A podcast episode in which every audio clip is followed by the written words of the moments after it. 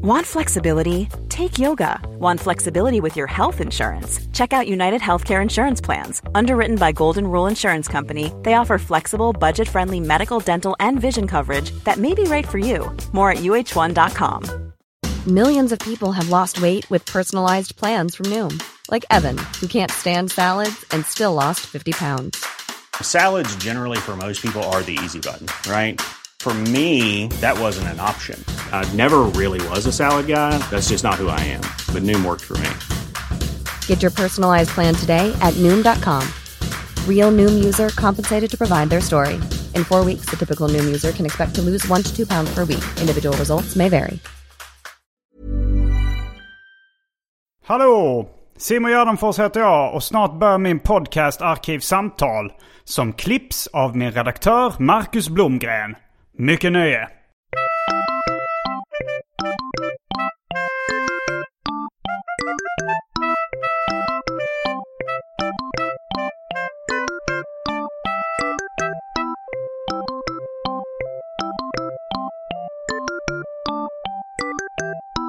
Hej och välkomna till Arkivsamtal. Jag heter Simon Gärdenfors och mitt emot mig sitter Johan Andreasson. Det stämmer bra.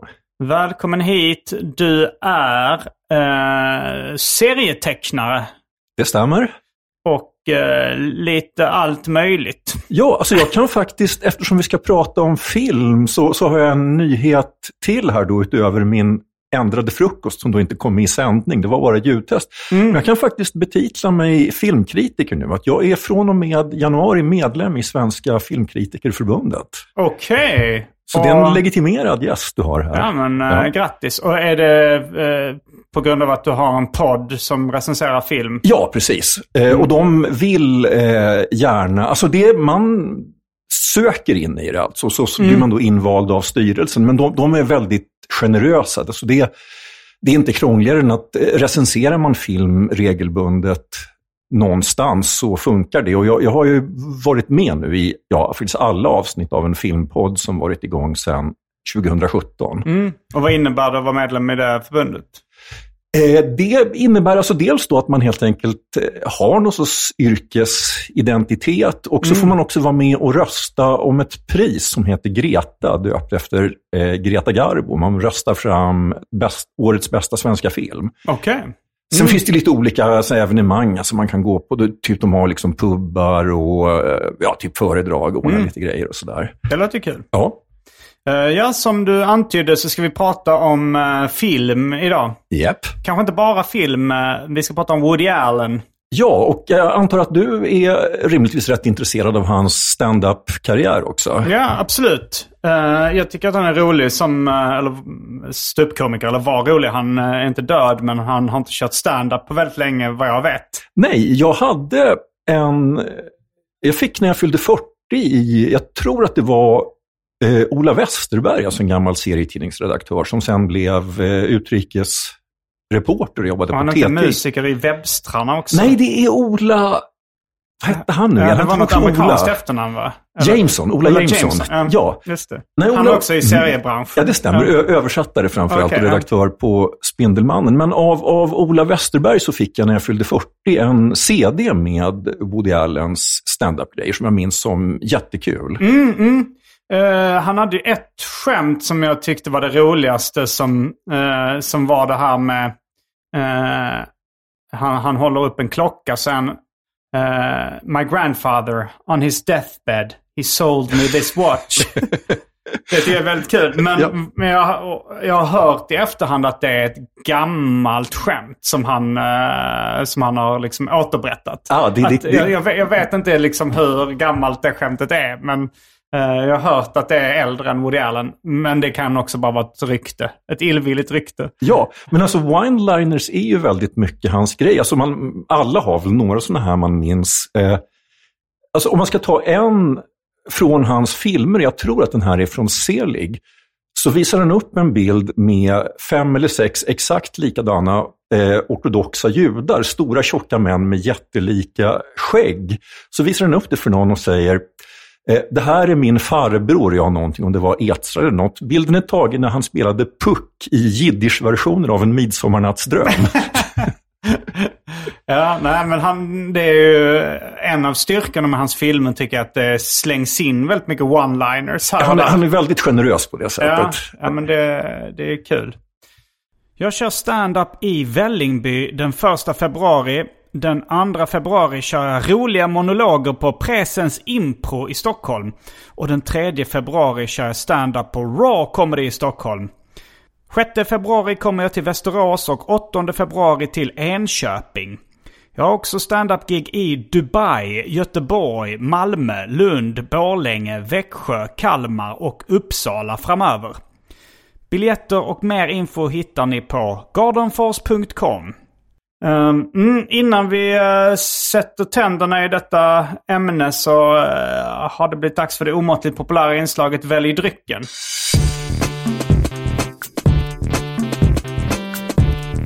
Jag tror vi börjar med det fasta inslaget Välj drycken.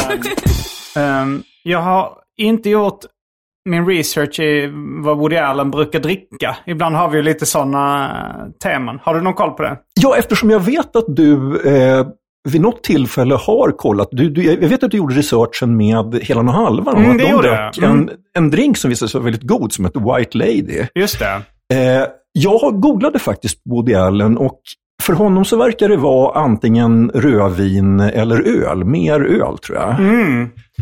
Uh, tyvärr, jag, kan, jag tror faktiskt inte jag har något av det. Det låter ju väldigt eh, basic med öl eller vin. Alltså, han vill ju alltid i intervjuer, i och med att han har ju den här liksom rätt intellektuella framtoningen, men när, i intervjuer så han vill alltid framställa sig själv. Jag är liksom bara en vanlig snubbe. Jag gillar att sitta framför tvn och se på basket och dricka öl. Just det, han har ett stort sportintresse Ja. också. Det, det har jag svårt att relatera till. Men eh, det jag har att erbjuda idag är i alla fall eh, Fanta Zero med smak av apelsin. Massa olika sorters sprit. Uh, tesorten Milky Oolong. Pulverkaffe. Häxblandningen, det vill säga alla drycker som fanns i min kyl innan ni genomgick en så kallad corporate rebranding. Och för tråkmånsar och nejsägare, vatten. Okej, alltså det här är en väldigt kall dag, så att har du konjak? Jag tänker på sån där Eh. Sankt Bernhardshund som kommer med en tunna med konjak. jo, det, det, det är en, en serie, eller liksom en tecknad filmtråd. ja. Kan man säga nu när vi... Det är första gången vi är ganska långt ifrån serier och tecknad Ja. film i ämnet. Eh, jag vet inte om det finns några serier och tecknad filmkopplingar med Woody Allen. I tecknad film finns det absolut. Ja, och det, det finns faktiskt en, alltså det gjordes, det här är ju rejält länge sedan, det kan vara, det är nog till och med slutet på 70-talet, så gjordes det en eh, eh, dagspressserie som bara hette Woody Allen. Som var, var, alltså det var bara, någon tecknade honom och så drog han sina one-liners. Den gick, Ah. jag tror det var i Expressen, Wow. Alltså, typ så här 78, 79 någonting. men var den svensk producerad då? Nej, den var, den var amerikansk. Den hette någonting i stil med Inside Woody Allen eller något sånt där. Okej, ja, men det låter ju rätt så kul. Alltså det var ju hans skämt, så Ja, skämten ja. var roliga. Den var otroligt liksom torftigt Ja. visuellt och sådär. Men var som DJ Röv då ungefär. Att det bara Ja. var tre likadana rutor och så var det Jo. något skämt. så det, det, det enda skämtet jag minns är ett som kommer från hans allra första film som heter Ta pengarna och stick. Och det är ett där han han spelar cello, men han gör det i en, eh, en marsch, eh, promenadorkester. Så att han får hela tiden springa och så sätter han ner sin stol och så spelar han lite och så Ja, går de andra det, förbi. ja. Och, så det, det skämtet. Men det, det, det är det absolut enda. Och det, det är nog Men för var att det det var... med i tecknade serien? Ja, det var det. Och, och anledningen till att jag minns... Då minns var det liksom ett one-liner, så var det, det är ändå ett visuellt gag. ja, och det är liksom. nog anledningen till att jag kommer ihåg det. Mm, För att annan, annars var det rena dialogskämt. Ja, jag vet inte vilka andra. Det finns eh, kända liksom one-liners han har, men det här... eh, jo, men han, han säger väl så här. jag skulle aldrig kunna bli eh, intresserad av en kvinna som har den dåliga smaken att vilja ha mig. ja, ja. Det är lite parafras på ett Groucho Marx skämt. Att Ja. han, han kan väl inte tänka sig vara medlem i en klubb som skulle släppa in honom. Nej, just det. Och Groucho var väl lite Woody Allens förebild Ja, en, en, en av dem. Um, Sen, alltså det här är väl inte riktigt en one-liner, men ett skämt som jag tror var på den här stand-up-CDn, att han, berättar att han blev angripen av en religiös fanatiker som slängde en bibel på honom. Mm. Men han klarade livhanken tack vare att han hade en revolver i innerfickan. Eller en pistolkula Ja, i bröstfickan. ja, någonting i den stilen. Jo, det, det, är en så kallad switcheroo. Ja. Jag tror han var känd för switcheroos. Mm. Att man bara liksom byter plats på de olika beståndsdelarna och, och får ett skämt. Eh, Men konjak, eh, det har jag. Jag har eh, till och med konjakskupor. Så då tar jag också lite konjak. Ja, men fantastiskt. Då kan man få ett glas vatten till konjaken också. Absolut. Ja. Jag tar kanske en side order av Fanta Zero. Då är vi strax tillbaka med dryckerna kända från det omåttligt populära inslaget Välj drycken. Häng med!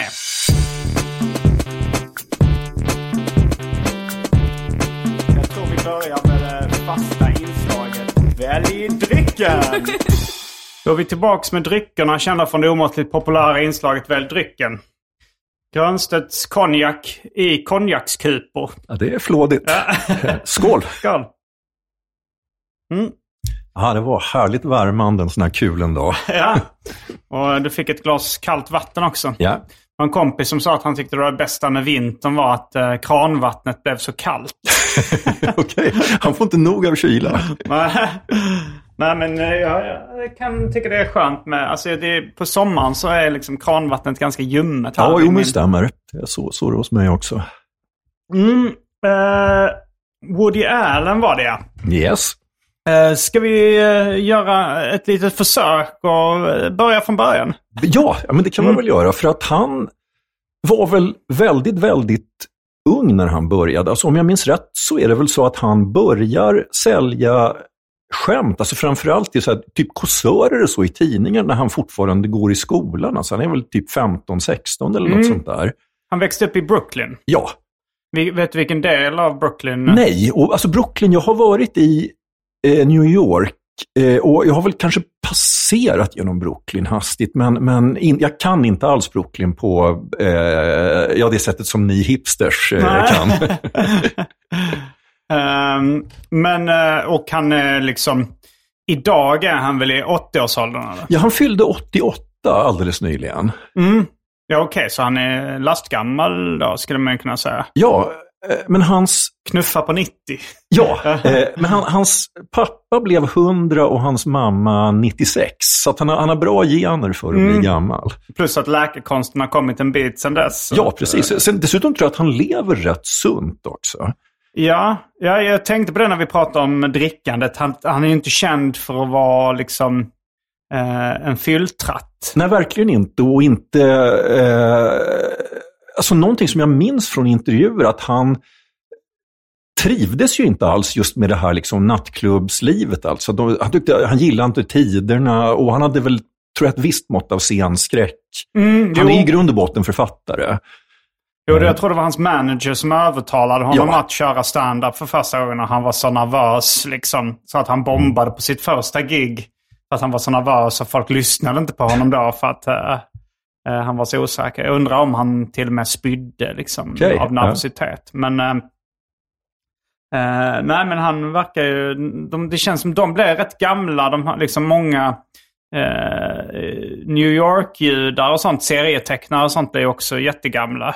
Ja, tar man, alltså en av Woody Allens största förebilder, åtminstone i de tidiga filmerna, är ju Bob Hope. Och han blev ju jättegammal också. Jag tror han blev över hundra. Oj, blev han så gammal? Eh, Jag kan inte svära på Mm. exakt, men jag är hyfsat säker på att jag minns när han fyllde 100. Jag tänkte på Al Jaffe. Ja, just det. Ja, ja. jo. Han blev han 102? Ja, eller någonting i den stilen. Ja. Han dog hyfsat nyligen. Jo. Mm, men... ehm, jo, han, han började... Jo, det, det jag läst också att han började då eh, skriva skämt till dagstidningar. Ja. Alltså, ligger väl hyfsat nära det här när de har korta roliga historier. Eller, ja, precis. eller liksom aforismer på motsvarande namn och nytt-sidan eller något sånt där. Ja, det stämmer. Och sen ä- även, alltså det fanns ju liksom folk som skrev sånt här, ja, typ liksom vimmelreportage och liksom sa, alltså hu- överhuvudtaget liksom folk som rapporterade om showbiz så ville de gärna Mm. ha lite skämt Ja. eh, inlagda i texterna. Så att, eh, jag tror att det var ganska mycket så, men alltså han sålde nog skämt till vem som helst som ville köpa. Mm. Jo, han, han berättade att han hade väldigt lätt för att skriva skämt väldigt tidigt. Att det var inte svårt för honom att han kunde liksom...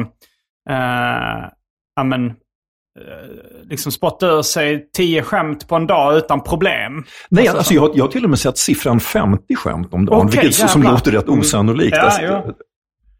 Men han, alltså det, det är ju väldigt uppenbart om man har följt hans karriär och det är också något han ofta har sagt, att han, han är verkligen inte någon sån här liksom författare som väntar på inspiration eller har skapar ångest, utan han, han har aldrig lidit av skrivkramp i hela sitt liv, utan behövs det ett skämt eller behövs det ett manus så sätter han sig ner och skriver det. Ja, det, det är beundransvärt. Mm. Och sen, eh, vad hände sen i hans karriär efter han eh, eh, var liksom skämtskrivare till tidningen? Alltså sen så blir han väl eh, manusförfattare tror jag på tv, alltså åt olika eh, alltså humor, alltså det, det, var, det var någon sorts program, alltså det kallas väl, alltså även på tv tror jag de kallar dem för variety shows, alltså typ sketchprogram. Alltså det fanns, eh, jag tror det liksom flådigaste som han skrev om var åt en komiker som hette Sid Caesar, som Mm. var en sån här jättestor tv-stjärna på den tiden. Ja. Som Och- hade en humorshow och han var Ja. väl eh, ja, manusförfattare, skämtskrivare och sketchförfattare då. liksom. Ja, precis. Och han var, hamnade liksom verkligen i någon sorts elitdivision där. Så jag minns att det var ha- alltså Woody Allen och Mel Brooks och någon till nästan lika känd, vars namn jag nu har glömt, som var. Så att när Sid Caesar, han hade liksom råd verkligen att ha de bästa skämtförfattarna. Mm. Eh, och det var, Var väl de hans... samtida? Mel Brooks och Woody Allen? Ja, Mel Brooks, det jag har till och med sett en bild på de två, jätteunga, tillsammans i, i den här Sid Caesar. Mm. Eh, alltså Woody är väl, för att Mel Brooks måste ju passerat 90 med viss marginal vid det här laget. Mm. Woody är 88, så att, men alltså Woody var ju väldigt, väldigt ung när han började jobba. Ja, jag har haft ett Mm. Mel Brooks-avsnitt också. Ja, ja. Men där har jag läst en hel... Jag läste en Mel Brooks-biografi. Jag tror jag har... eh, jag, jag tror inte jag har läst en hel Woody Allen-biografi. Har du läst någon? Ja, det har jag, fast det är ganska, ganska länge sedan. Eh, jag har för mig att författaren heter Eric Lax. Jag minns inte vad, eh, vad boken heter. Och sen så finns det en intervjubok av den svenske filmkritikern Stig Björkman som gissningsvis heter något i stil med Woody Allen om Woody Allen eller något Ja, sånt men den där. har jag faktiskt läst. Ja. Woody om Allen. Jo, Woody om Allen, så heter Och den. den, men den, eh, där går de igenom film för film. Ja, precis. Så det, det är inte, och det, de kanske går igenom lite om hans privatliv och sånt där. Men det är Mm. mest eh, om filmerna. Ja, det stämmer. Och, och det, det, den är, boken är dessutom så gammal att det är före de här skandalerna som har präglat hans privatliv. Eh, Jag tror senare. inte det är det för, jag tror att de nämner den skandalen när då, eh, när han blev ihop med Sun Yi. Jaha, det är kanske med. Alltså det, det, är, det är så länge sedan jag läste Ja. boken. Ja, men det, jag, jag fan, men det, eh, det stod då att, eh, eh, att han... Uh, jag menar att han, eh, hans liksom arbetsmoral påverkades inte så mycket om det. Han, de sa att de skulle träffas någon gång och göra en intervju. Liksom, och han sa äh, just idag kan jag inte. Och då var det precis efter det hade briserat i media. Uh, den här... Ja, men det var väl den första stora skandalen då som han var med om. Ja, det stämmer. Eh, och, och, men, men sen liksom veckan efter det så var han tillbaka och spelade jazz på sitt lokala café och gjorde en intervju med den här svensken. ja, Eh, men ja, vi kanske ska eh, gå igenom... Eh, det är väl kanske två då stora Woody Allen-skandaler som har varit eh, genom tiderna. ja, alltså den första är då den här när han alltså, blir ihop med ja, sin partners styvdotter. Ja. Och de är fortfarande ihop då han och Mia Farrow. Ja, det är de. Det, alltså den förmildrande omständigheten är ju att de, de bodde ju aldrig ihop. Eh, och han, åtminstone enligt Woody Allen själv, så hade han så att säga aldrig någon så att säga pappa-roll t- i förhållande till Sun Yi. Sen kan man ju säga att det är ändå, det, det är inte sådana liksom exempel på så här exemplariskt beteende då, att bakom ryggen på sin partner bli ihop med hennes eh, adoptivdotter. ja, hon var 20 år vid tillfället. Ja, och han var väl en bit över 50 tror jag. Han så gammal? Alltså, nu, det här ska jag inte svära på, men jag, det, här, det är ju då 90, Ja, någon som är bättre på huvudräkning får, Mm. får klara Men det är, en, det är en enorm åldersskillnad i alla fall. Ja. Och de är fortfarande ihop och gifta? Ja, och det, det är väl då, om man ska ta det förmildrande, så, så har ju de uppenbarligen då ett eh, alltså väldigt väl fungerande äktenskap Mm. och har varit gifta sedan ja, mitten på eh, 90-talet. Eh, Ja. eh, Och sen, eh, jag vet inte riktigt när den nyheten, för det var väl i samband med det här då som Mia Farrow anklagade Woody för att ha tafsat på sin biologiska dotter. ja, men jag, jag tror att det dröjer några år. Alltså jag har Mm. inte... Har du sett, eh, det kom en HBO-dokumentär som hette Woody, eller Allen vs. Farrow eller något sånt där. Alltså jag började titta på den, så att jag såg det första eh, avsnittet. Eh, och sen så tyckte jag faktiskt att den verkade så pass eh, tunn så att jag fortsatte inte. För att, alltså jag, jag har ju så att säga alltid varit rätt skeptisk till just det här att han skulle ha tafsat på eh, sin dotter.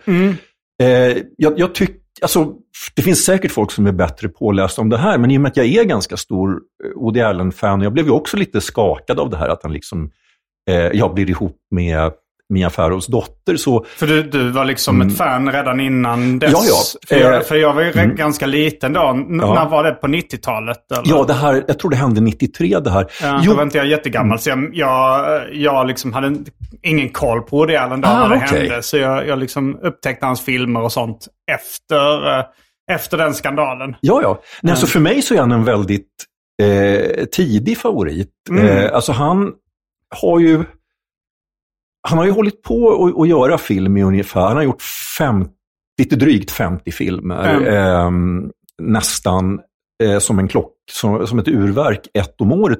Och det är nästan exakt lika länge som jag har gått på bio. Ah. Så att, eh, den första Woody Allen-film som jag såg på bio var Död och pina, som jag tror är hans fjärde film. Och efter det så har jag ju sett, jag har gått tillbaka och sett de tidigare filmerna och sen har jag faktiskt sett alla filmer utom de två senaste som helt enkelt inte har gått att se i Sverige.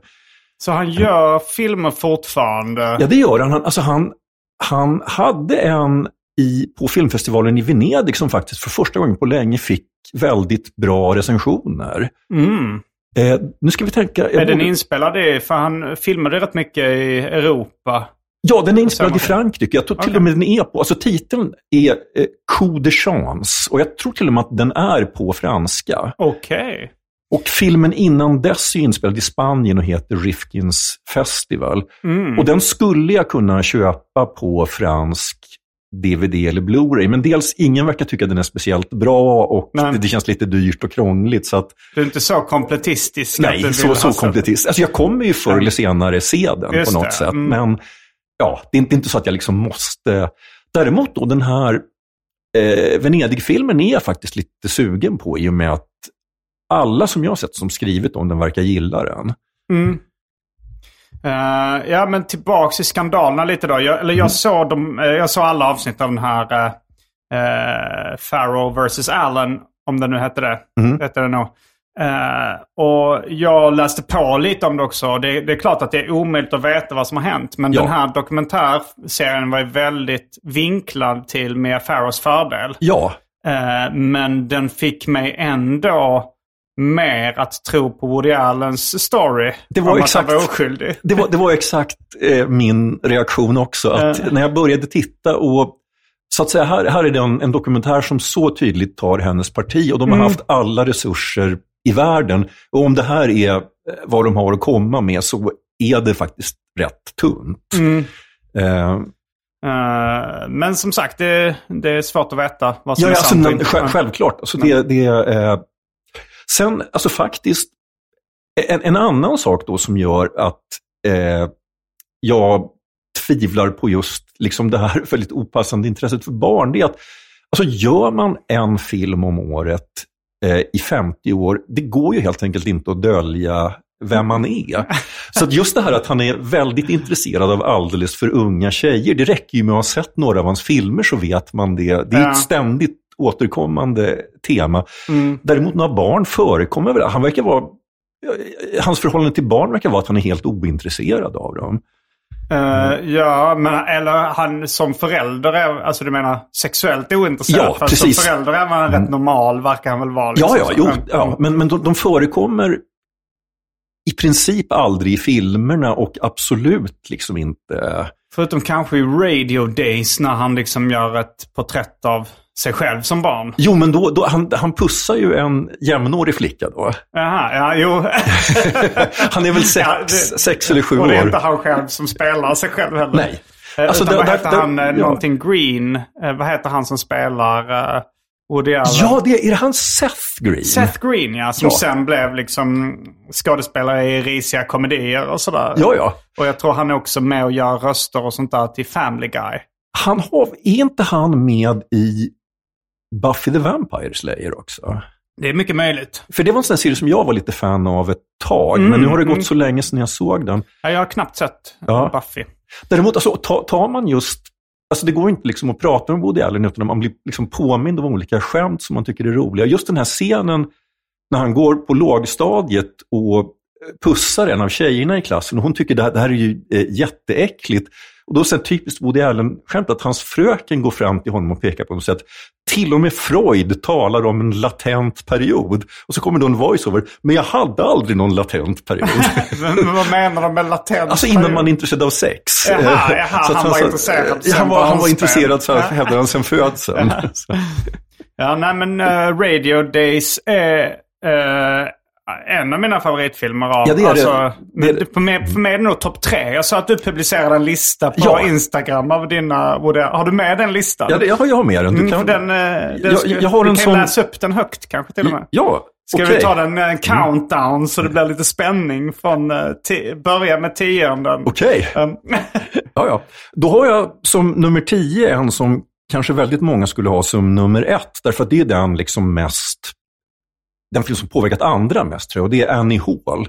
Mm. Den har ju nästan blivit som någon sorts bruksanvisning för hur man gör eh, romantiska komedier. ja. Eh, och som sagt, alltså, jag gillar den ju jättemycket. Alltså, den är nummer 10 av, eh, om man har gjort 52 filmer eller något. Men för, för mig är det inte en av de liksom absolut eh, bästa. Ändå. Den är sist på topp 10-listan. Ja, precis. Eh, och som nummer 9 har jag just eh, Radio Days. Ja. Som är, alltså det är en av hans roligaste... Och så en, en av de stora grejerna för mig med Woody Allen, det är ju att han ses ju av många som liksom att han är nihilistisk och cynisk, att det ofta är väldigt mörka teman och sådär. Men alltså, för mig handlar det väldigt mycket om trivsel att se hans filmer. Att det är Mm. något man tycker om och liksom... Man bara gillar att vistas liksom i den här världen. Och Radio Days är en typisk sån film. Alltså det är bara, det är bara Ja. så kul att vara med i den här liksom stora judiska familjen och de här showbiz-miljöerna. Ja, det är också Mm. ett, jag älskar ett skämt som är med i Radio Days när då eh, de har en, en tävling om tvättmedel. och man ska döpa, det är en riddare som är logotypen på det här tvättmedelsmärket. Och så, ska, så, ska, så är tävlingen då att man ska hitta på ett namn till riddaren. Och så, eh, det finns ju någon känd gammal riddare i, eh, jag vet inte om det är litteraturen eller i, om han funnits i verkligheten som heter Sir Lancelot. Eh, men då kommer då eh, den här ungen då som ska, som eh, uppenbarligen är ett porträtt av Woody Allen. Han, han kommer på, ja men Sir Clean-a-lot. Så skickar han in det namnet till tävlingen och sen så liksom ska de läsa upp vinnaren i tv då. Så den som har skickat in förslaget eh, som vinner det är Sir Lancelot. det är så himla. Att Sir Clean-a-lot är ett dåligt eh, Ja. ett namn. Men sen så är det så konstigt att Sir Lancelot vinner.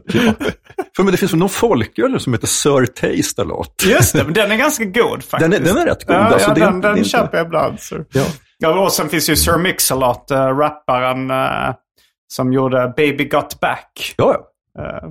Men alltså den är ju verkligen liksom full av roliga grejer. En, en sån där sak som fastnat hos mig är att vid något tillfälle så är det eh, inbrott i den här familjen där han bor. Alltså det är, Mm. ingen är hemma då, så ringer telefonen. Av någon anledning så svarar en av inbrottstjuvarna. och då, då är det en radiofrågesport. De ringer slumpvis utvalda telefonnummer. Och så ska de se om de, de ska kunna titeln på olika slager som spelar upp. Och jag får mig att tjuven vinner genom att han känner igen en låt som heter Chinatown My Chinatown. Okej. så det är som bara sådana absurda inslag Ja, som jo, kan... det, det, där, där bryts ju lite. Det rätt realistiskt i övrigt. Ja, väl? det stämmer. Det är... Alltså, Woody Allen förnekar ju alltid själv att hans eh, filmer är självbiografiska eller ens Mhm. har självbiografiska inslag. Men jag, jag tror att man med i princip ja, 100% säkerhet säger att så är det inte. Jag tror att han hämtar jättemycket från sitt eget liv. Ja, det är ju konstigt att han skulle förneka det Ja. bara egentligen. Uh, ja, det är väl många som... Jag tolkar ju dem som... Jag blir mer förvånad när saker eh, inte skulle vara inspirerade av hans eget liv. Ja. Alltså han, Även om man har Mm. gjort vissa lite mer crazy komedier. Ja, och Ja. även, även så att säga är- en, en del mer så här drama eller thrilleraktiga. Så ska man ta någon... Alltså, jag försökte tänka Hey, I'm Ryan Reynolds. At Mint Mobile, we like to do the opposite of what Big Wireless does. They charge you a lot, we charge you a little. So naturally, when they announced they'd be raising their prices due to inflation, we decided to deflate our prices due to not hating you. That's right. We're cutting the price of Mint Unlimited from $30 a month to just $15 a month. Give it a try at mintmobile.com slash switch. $45 upfront for three months plus taxes and fees. Promo for new customers for limited time. Unlimited more than 40 gigabytes per month. Slows. Full terms at mintmobile.com. Quality sleep is essential for boosting energy, recovery, and well being. So, take your sleep to the next level with Sleep Number. With a Sleep Number smart bed, you can individualize your comfort level and enjoy a better sleep night after night. JD Power ranks Sleep Number number one in customer satisfaction with mattresses purchased in store. And now the Queen Sleep Number C4 smart bed is only $1,599, a saving of $300, only for a limited time. For JD Power 2023 award information, visit jdpower.com/awards. Only at Sleep Number stores or sleepnumber.com. Normally, being a little extra might be a bit much, but not when it comes to healthcare. That's why United Healthcare's Health Protector Guard fixed indemnity insurance plans, underwritten by Golden Rule Insurance Company, supplement your primary plan so you manage out of pocket costs. Learn more at uh1.com. igår om det fanns någon Woody Allen-film för han, han, han har en sån otroligt liksom, typisk stil, alltså framförallt att de här, hans one-liners hela tiden kommer. Men om, om det är någon Woody Allen-film, och det är en som jag tycker är rätt bra, som jag nog inte hade gissat var han som jag, om jag inte visste det. Så en som heter Matchpoint, som är en, eh, ja du, du minns den? Ja, ja, Ja. absolut. Den, eh, men den kom, var, var det på runt millennieskiftet? Ja, den någonstans kom? runt Ja, millennieskiftet. för den, den, eh, ja, men den är väldigt bra. Det Ja, eh, Anton Magnusson, min kollega, det är hans favoritfilm av Woody Allen. ja, ja. Eh, och den har ju lite, alltså det, det, den har ju då ett tema som man har tagit, eh, som man har tagit upp förut i eh, små och stora brott. Alltså det här med en person som begår ett mord som han inte åker fast för. Och hur, så att säga, har han det här, då det här hängande över sig resten av livet eller kan man så småningom eh, skaka av sig det? Mm, det är lite brott och straff. Ja, precis. Det är väldigt mycket, det är väldigt mycket brott, brott och straff. Så att, eh, men, men bortsett från det, så att, för annars, den är väl som, som jag, vad jag kan minnas, det finns väl inga one-liners alls i den filmen. Nej, inte vad jag kan komma på. Det är Scarlett Johansson eh, Ja. är, en av huvudrollerna i den också. Ja, det stämmer.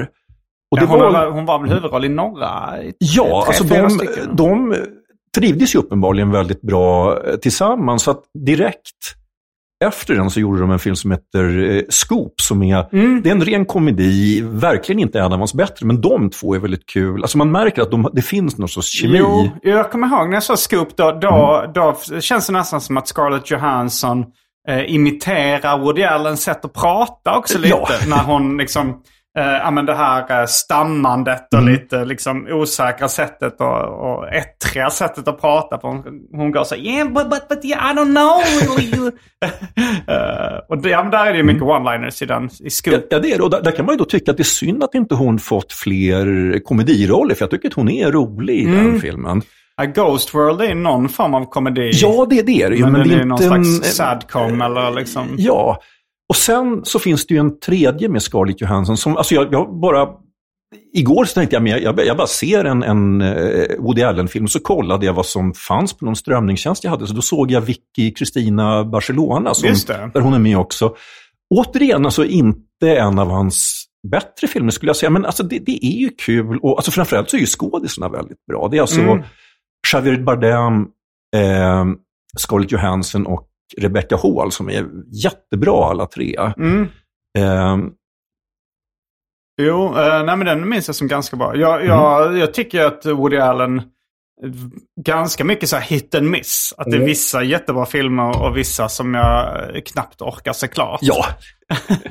Jo, Håller alltså- du med om det? Eller? Ja, det håller jag med om. Att, att, att jag, jag har någon sorts gräns att ungefär till och med alla säger I love you, som är tror jag från slutet på 90-talet, då tycker jag, då blir man förvånad om någon film är dålig och efter den så blir jag förvånad om någon film är bra. Mhm, Eh, ja.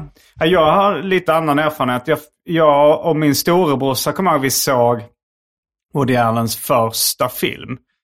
He- Är det den som heter Hey Pussycat? Eller? Alltså den skrev han manus till Ja. och det är nog hans första filmjobb. Det är faktiskt en film jag aldrig har sett. Nej, Eh, jag, jag såg den. Jag kommer ihåg att jag och min brorsa såg den och eh, efter ett tag så tyckte jag så nej men det här är för dåligt. Jag, Mm. jag, ska, vi, ska vi skita i den och gå ut och, göra, gå ut och ta en öl eller någonting? Ja. Så sa min brorsa så nej men det är ändå allmänbildning att ha, se, att ha sett den här filmen. Så vi såg klart den. Så vi såg klart den. Mm. Men eh, Woody Allen själv har ju sagt att Eh, han, eftersom han inte regisserade den så tyckte han att de pajade hans manus Ja. och gillar, eh, hatar den filmen. Ja, så det var ju den filmen som gjorde att han efter det har sett till att, eh, det, det är inskrivet i hans kontrakt, alltså dels att han skriver manus och regisserar och att han har eh, Final Cut. Att in, ingen får lägga sig i hans filmer. Och det är rätt stöddigt av någon som gör sin första film. Men han lyckades driva igenom det här. Alltså Pengarna och stick, den, eller Take the money and run, det, det är hans första som regissör. Och redan från den filmen så har han det här kontraktet. Så att det, han, han levererar sin film, Mm.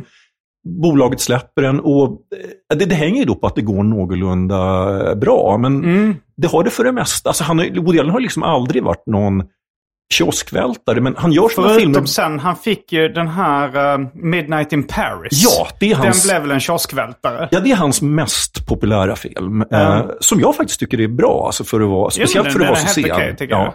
jag. Eh, det, ja, den utspelar sig i Paris och, Ja. eh, och handlar om... Ja, det är så här lite historiska element i den som kommer in. ja, alltså han har ju den där liksom lite fantasyaktiga sidan som, som jag gillar. Alltså två, två av mina favoritfilmer, eh, Kairos röda ros och i viss mån också Selig får man väl säga, är Mm. lite så här fantasyaktiga historier. Och eh, sån är ju även Midnatt i Paris. Alltså det är ju tidsreseelement i den. Alltså de Mm. reser tillbaka. Och han, hans poäng där är att Woody Allen själv tycker att allting, det är väl, är det Owen Wilson som är stand-in för Woody i den filmen. Mm. Och han tycker att allt var bättre på 20-talet. Och så, ja, då kommer en taxi och tar honom till 20-talet. och då tycker alla att det var bättre på 1890-talet. och när de väl kommer dit så tyckte jag, alltså, så att alla liksom har någon epok, så här 50 år före deras egen tid, när de tycker Mm. att då var det bra. Ja. Så nu spoilar du lite din Ja. ja. topp 10-lista, men vi kan gå vidare på den. Okej, nummer åtta så har jag Hanna och hennes systrar, som också är någon sån här familj, Ja. en stor familj. Jag, jag blandar ihop många av uh, Woody Allens filmer, men det kan ha varit den som jag såg på bio. Det finns en scen där, där, han, eh, där en karaktär eh, eh, säger så här. eh, han är tillsammans med någon tjej och så säger han så här. Hade det funnits ett sätt att, eh, att göra slut med henne och, så att hon inte blir ledsen så hade jag tagit det direkt. Ja, Eh, det, det är den. Det, det är den? Ja. Okej. Mm. För det, det, för det är liksom... Det, för jag kommer ihåg att det här var ju liksom eh, säkert 20 år sedan jag såg. Ja. Eller när var det den kom på bio? Det var, Alltså jag kan nog placera den här ganska exakt, därför att jag såg den, eh, alltså lite, lite udda. Jag var, jag var i Bryssel eh, när jag såg den och det var jag 87. Och då tror jag att den var helt ny. 87? Ja, Okej, men då måste jag ha sett den... eh, för om den repliken är med, för den, den kommer jag ihåg, för 87... eh, eh, det, var inte, för det, det var inte 97, nej. Nej, alltså den här, men alltså, alltså, han har ju en tendens att eh, återanvända så jag, säga alltså, jag minns inte exakt den här repliken, däremot Nej. den här situationen finns med. Mm. Eh, För jag har för mig att jag var eh, liksom kanske eh, 21. Alltså det här var ungefär när vi jobbade tillsammans på Ja. Egmont. Jag såg den här på bio.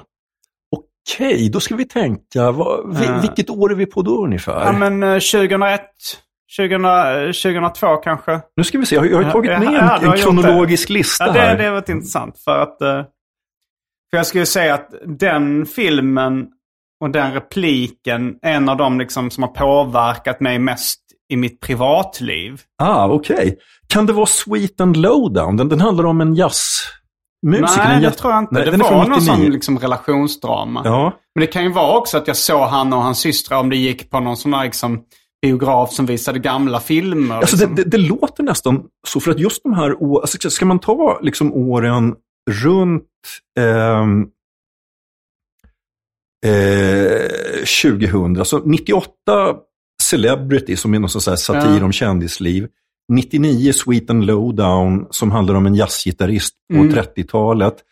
2000 Small Time Crooks. Okej, ja. Och där kan den... Men 2001 och 2002 då? Eh, ska vi se, 2001, eh, The Curse of the Jade Scorpion, alltså Jade Skorpionens förbannelse, som utspelar sig på 1940-talet. Okej, Så- nej det var inte det. Nej. då. Och 2002, Hollywood Ending. Och det, det är en av de som jag minns allra mest diffust av hans filmer. Okej, 2003 då?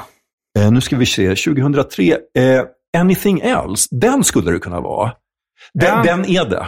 Okej. Eh, ja, eh, den, nu... Ja, men det är eh, bra. Du ja. kommer ihåg nu? Ja, nu, eh, nu minns jag. Japp. Men det var det för att jag kommer ihåg Ja. att ja, men i det förhållandet jag var i då, att jag Mm. kunde relatera till den, rep- alltså så, eh, just den, den känslan så här. Mm. Hade det funnits ett sätt att göra slut eh, och, eh, och inte göra liksom min partner ledsen så hade Ja. jag tagit det beslutet och då inser jag så okej men då kanske jag måste göra slut. Det, det är inte hållbart att vara tillsammans med någon bara för att de inte ska bli ledsna. Nej. Så- nej, för och då nu- gjorde jag det också Ja, för nej, nej, för nu, nu när vi kom dit så, så minns jag vad... Heter den Anything Else? Ja. Mm.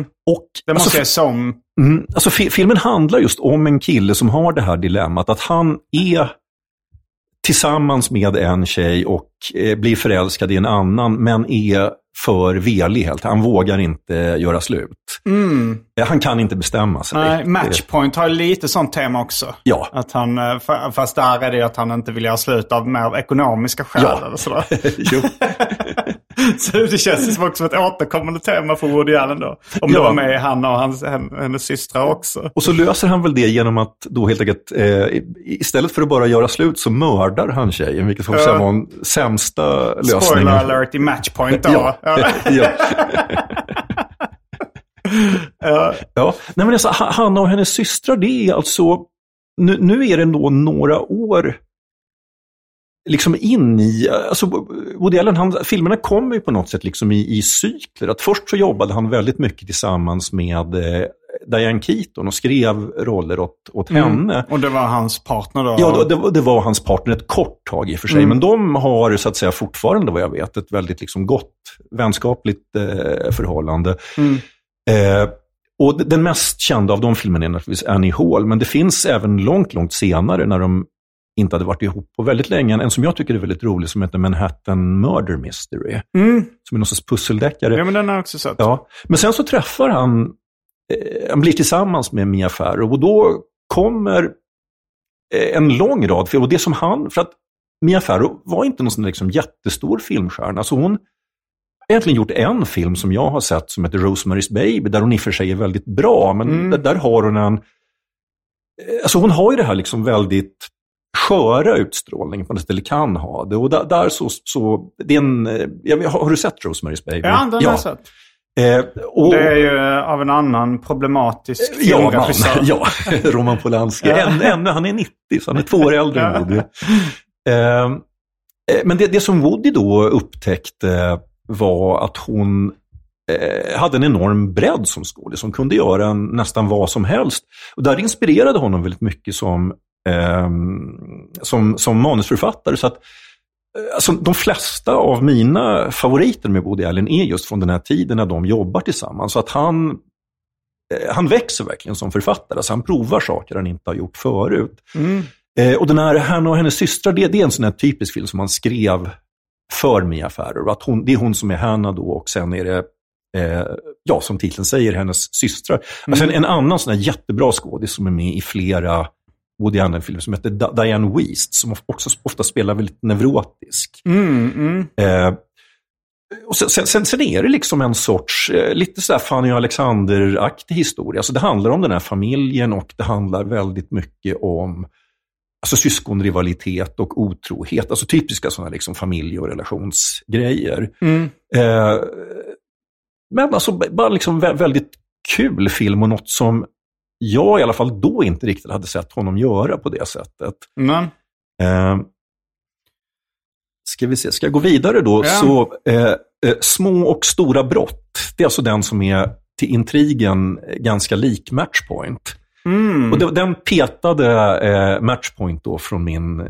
10 i topplista. För jag gillar Matchpoint, men jag tycker att Ja. de, de är så pass du var tvungen att ta en av dem. Ja, så då tog jag eh, en person som eh, mördar sin älskarinna och kommer undan med det. Och då Mm. till eh, Woodys och publikens ilska till slut inte har dåligt samvete för det. Mhm.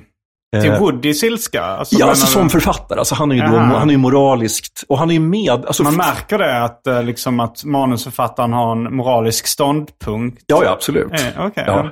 Eh, att Woody är, eh, han sticker verkligen ut hakan där och han är mot mord. Och det finns en berättarröst som berättar det, eller? alltså, där är det, jag tror att den har en berättarröst, men där, den filmen har, har dessutom två eh, parallellhistorier. Alltså, det är dels den här historien med eh, mannen och hans älskarinna. Och det är också två otroligt bra skådisar. Det är alltså Martin Landau som också är med i flera Woody Allen-filmer. Han spelar, vad heter nu den här filmen om, ehm, han spelar eh, Bela Lugosi i eh, filmen, har du sett Ed Wood? Mm, mm. Eh, alltså hans två mest kända roller är väl dels den här... Det är en Tim Burton-film. Ja, där, precis. liksom. Och sen då där han spelar... eh, Om en annan filmregissör. om en annan det, det är filmregissör, många, ja. många steg i det här. Ja, precis. Eh, och han har även huvudrollen i en gammal tv-serie som heter Månbas Alpha. Och om, om någon såg Månbas Alpha och gissade att Martin Landau var en bra skådis så var den personen ett geni.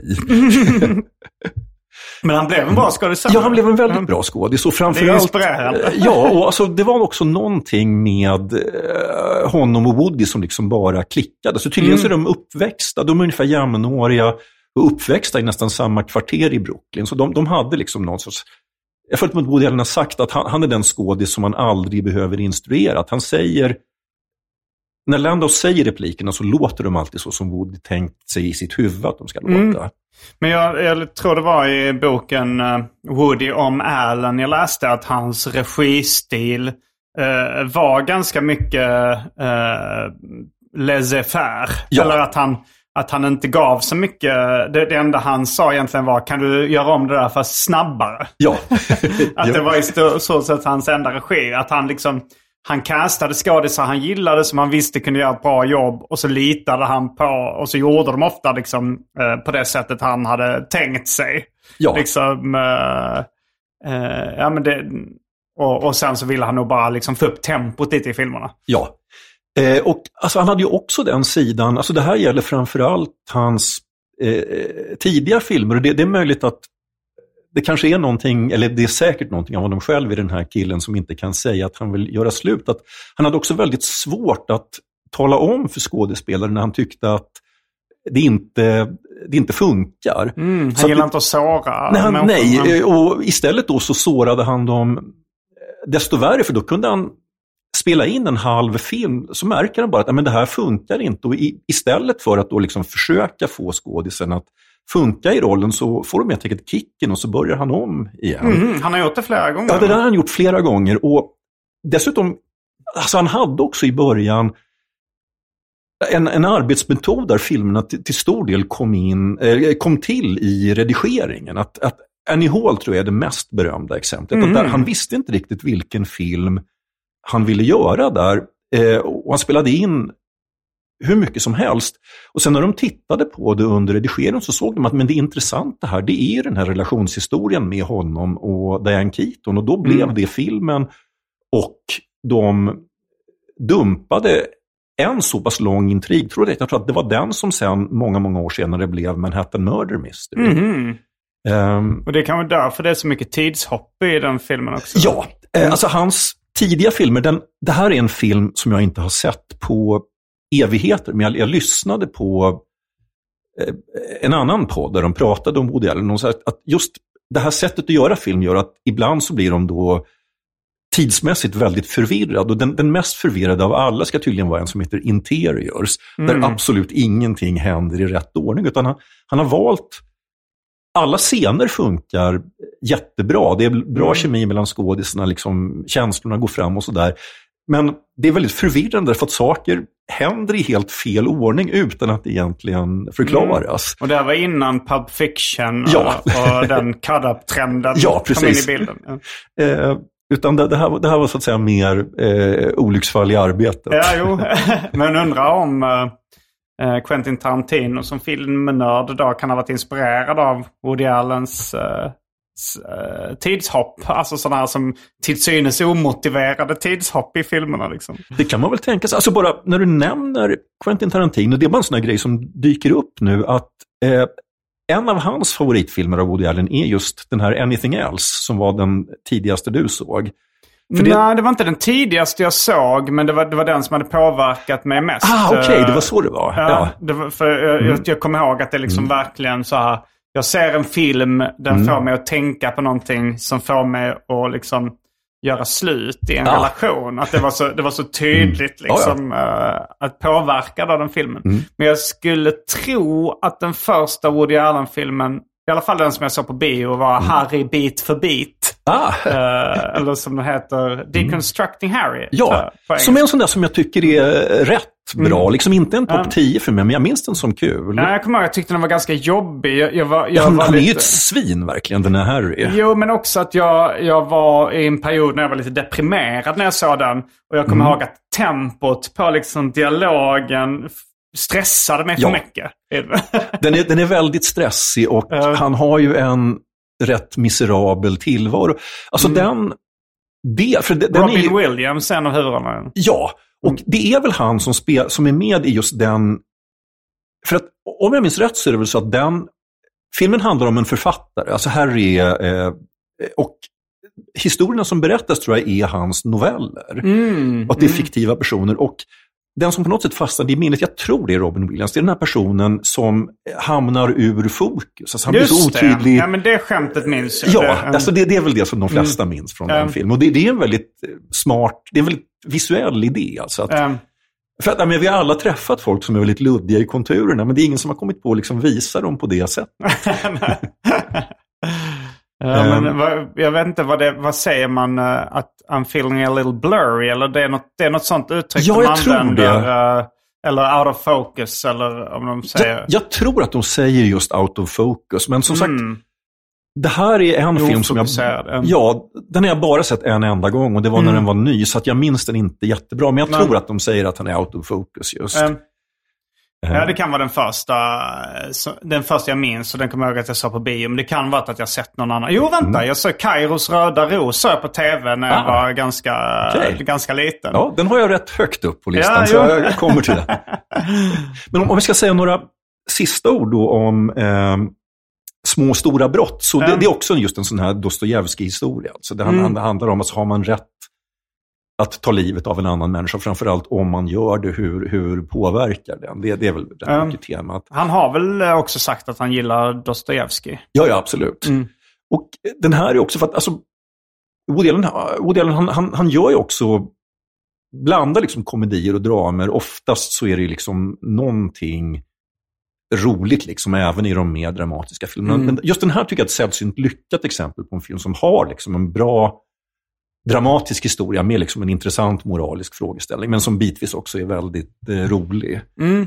Eh, ska vi se om jag fortsätter uppåt då, så är då, då den första filmen som jag såg på bio. Och det, det är nog anledningen till att den ligger så högt. Jag tror inte att någon annan, jag vet inte om någon annan har den på en tio bästa-lista, men det är den som heter Död och pina, eller Love and Death på Mm, engelska. Den tror inte jag sett. Eh, och det, det var den första Woody Allen-filmen som jag såg på bio. Och då var jag... Vilket år var det här? Eh, nu ska vi titta här. Eh, Mm, de är listan. Ja, jag har med listan. Det borde vara mitten på 70-talet någon gång. Eh, 75 är den från. Okej, ja. Ja. Och då var du i tonåren? eller? Ja, jag, jag fyllde 15 det året. Eh, och då, liksom min källa till humor på något sätt, eh, fram till det här hade, hade varit Mad. Alltså det var liksom min typ av humor. Det. Så det jag upptäckte med Mel Brooks också. Och det här är en film som är väldigt lik, kanske inte så mycket Mad, även om det är det är väldigt mycket en parodifilm. Alltså den parodierar rysk litteratur, framförallt eh, krig och fred. Mm. Men det är väldigt, väldigt mycket en... Det skulle nästan kunna vara en Mel Brooks-film. Alltså en sån Mm. här typ Robin Hood, män i trikåer, fast det är... Woody Allen var väl mycket tramsigare förr i Ja, tiden? det stämmer. Um, Så så det- de här är tidiga nog- filmerna är mm, rena, ganska mycket crazy komedier. Ja, Liksom. det stämmer. Alltså han har ju i... Alltså en film som jag inte gillar alls, men som, som många gillar, Stardust Memories, som är en sån här liksom självrannsakande film. Då har ni en sån här återkommande mardröm att fans som kommer fram till honom och säger jag älskar dina filmer, especially the early funny ones. Och då vill han Mm. göra seriös film. Så det här är liksom det han absolut inte vill höra. Men den här Död och pina, det är så att säga den sista av the early funny Mm. ones. Men jag, då kan han glädja sig åt att jag tycker inte The Early Funny Ones är hans bästa filmer. Nej, inte jag heller, utan det här är den enda jag har med. Och det, det är just för att det var, Mm. så att säga, min första kontakt med honom helt Mm, enkelt. Eh, Ja, det fanns ju också den här tid, den såg jag också på eh, video. Eh, den Allt du någonsin velat veta om sex men varit för rädd att prata om. det är en jätterolig titel på, på en film som tyvärr inte är speciellt rolig som jag den är minns inte så kul. Frågan är om den, folk tyckte väl att, att den var kul när den kom gissar jag. Ja, Eh, Men eh, humor är ibland en färskvara. ja. Och eh, jag, jag kommer att jag tyckte inte den var speciellt kul när jag, när jag Nej. hyrde den på sent 90-tal. Eller tidigt 00-tal. Jag tror att det är, alltså det är alltid skämt som fastnar. Jag, det måste rimligtvis vara från den här filmen det kommer. Att det, det är någon som är sexuellt attraherad av får. Jag för mig Mm. att det är eh, Gene Wilder. Och han liksom beklagar sig så, vad, vad liksom folk fastnar för och vad de alltid ska tjata om. Att you fuck one sheep. och sen så kan ingen prata om någonting Ja, annat. det är också en gammal eh, Ja, ja. rolig historia. Ja. Alltså vilket uh, starka case att han snodde historien med klockan. Ah, okej. Men för det Ja. Mm. finns en sån gammal historia. Det är så här... eh, eh, ja men... eh, eh, det, det, jag tror det är en skotte och, och så här, Mm. eh, som säger så här. Så här ja, jag, jag byggde fem broar. Uh, tror du att jag kallades eh, Andrew the Bridge Builder? You fuck one sheep. Eh, jo, men den, och det är lite kul att se Woody Allen utklädd till spermie också. Ja, det är en, det är en rolig, visuellt Ja, rolig jo, idé. men den håller inte jättelänge. Ja. Nej, om, om jag går eh, uppåt då, sen har jag då som nummer fem just Kairos eh, Röda Ros. Mm. Och den, om jag så att säga hade gått på mitt första minne, alltså när jag såg den på bio, så hade nog nästan den varit eh, nummer ett. För då, då, då tyckte jag den hade liksom något nästan magiskt. Alltså Mm. den här att personen som kliver ut ur filmduken, just Mia Farrow då, som är en så otroligt bra skådis. Hon är den här liksom misshandlade hemmafrun som flyr till bion och plötsligt så blir då hennes, hennes fantasi blir verklighet. Alltså att en Mm. av de här personerna från den här liksom lyxiga New York-våningen med en fest där de dricker cocktails och liksom umgås med eh, kultureliten, eh, kliver ner. Och Alltså enda anledningen till att jag har den lite längre ner att den, den har inte, för mig inte funkat riktigt lika bra när jag sett om den. Men- Eh, eh, Nej, det måste nog vara... Ja, det var nog en sån grej när jag bara slötittade på tv. Liksom kanske klockan tre på Mm. Ja. eftermiddagen i, eh, i Lund som liksom tonåring. Och så kommer jag ihåg Mm. att jag bara såg den. Eh, och tyckte väl så här, ja den var lite, lite spännande. Mm. Men eh, jag kommer inte ihåg att jag tyckte den var jättebra. Då. Men, Ja.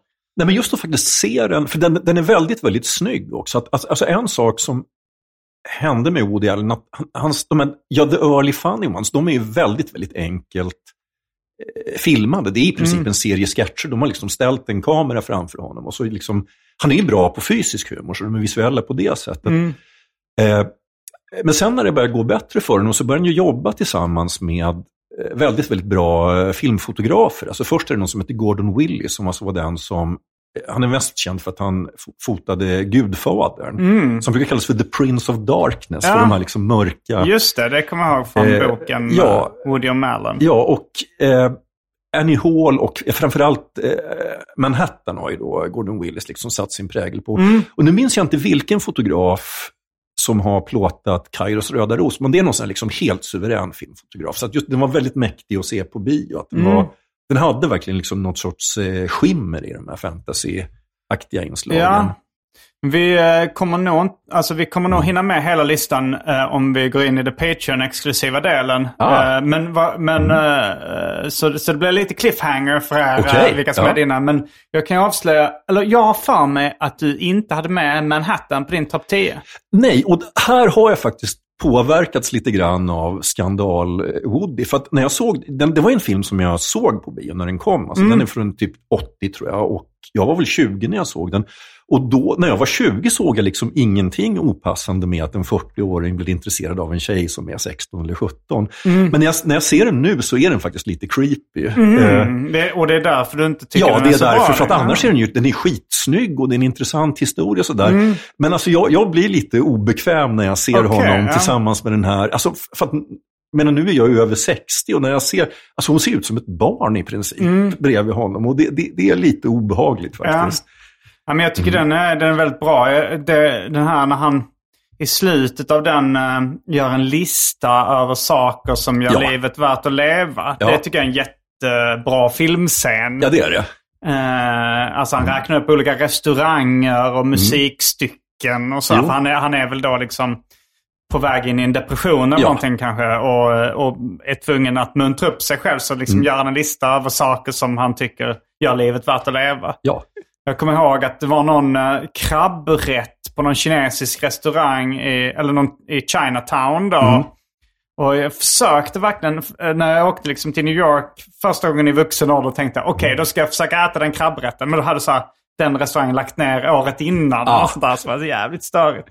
Ja, Det, det, det, det, är på den listan som jag mest kan relatera till, men att jag eh, till ganska stor del delar Woodys musiksmak, är att en sak som gör livet värt att leva är Potato Head Blues med Louis Armstrong. Mm, ja, den får jag lyssna på den. Det Ja. var väl också något klassiskt stycke? Ja, det var det är säkert. Alltså är, musiken i filmen är ju Gershwin. Det är väldigt mycket den här, vad heter nu den, eh, alltså Gershwins mest kända, Jag har Eh, dålig koll på ja. Den typen Alltså det är musik. den musik, det, det är ett montage i början, så är det den här Gershwin-musiken liksom till eh, montage av hus från Manhattan. Alltså det är ot- otroligt Mm. eh, snyggt. Jag tror att svenska filmer också är då... eh, Mm. Rhapsody in Blue heter den. Eh, Ah, ja, den melodin. Mm. Ja. Ja.